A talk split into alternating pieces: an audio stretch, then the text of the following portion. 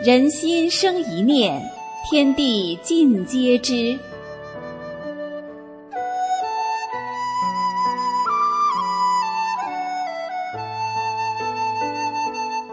听众朋友您好，欢迎收听明慧广播电台《善恶一念间》节目。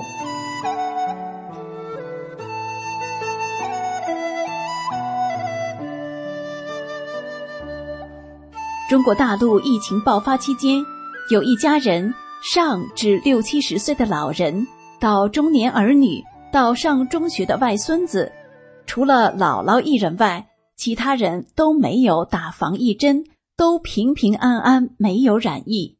给您讲讲这家人的经历。在疫情大爆发期间，我们全家都没有染疫，其中只有我接种过两次疫苗。接种疫苗后，我没有任何反应。到该接种第三针的时候，医院接种疫苗场地撤了，据说是因为国产疫苗有问题停了。我老伴儿和孩子们都没有打防疫针，都没有阳。女儿居住的城市是中共肺炎起始地武汉，那年恰好她老公公七十大寿，就在武汉封城的前两天。他们因为回老家给公公祝寿而得以幸免，没有被封在武汉城内。疫情期间，他们居住的小区、单位的同事、外孙的同学，一家一家的阳，同事家、邻居家走了好几个老人。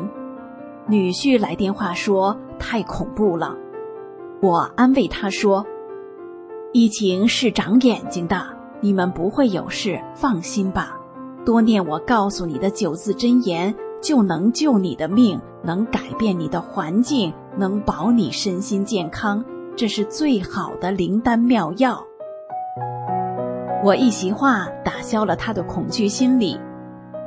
我的家人都认同大法，支持我练法轮功，全家都已经做了三退，老伴儿每天都念诵法轮大法好。晚上睡觉前坐在床上还要念。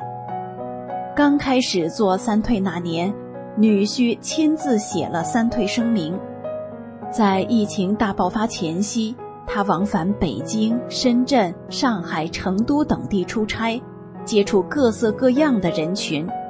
法轮功真相护身符随身带，一路平安顺利。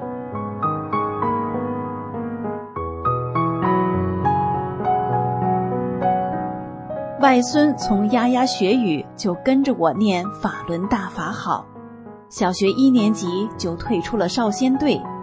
当今社会校外补习成风，他从小学到初中是班上唯一没有参加过校外补习班的，学习成绩一直名列前茅。去年以优异成绩考入了省重点高中，是个品学兼优的好学生。女儿在读研究生的时候就对我说：“妈妈，我不该入党的，太黑了。”那时候三退大潮还没有开始。三年前，学院领导找他谈话，要提拔他担任系主任兼党书记，女儿谢绝了。他对我说：“尤其是党务工作不能接。”我很是赞同。有亲戚说。现在社会上有人还花钱买官，叫你当官，你还不当。女儿能看淡名利，不随波逐流，是因为她看清了中共假恶斗的本质，做出了明智的选择，从而得到神佛的佑护，平安度过疫情劫难。我们全家发自内心的感恩师尊。感谢师傅慈悲呵护。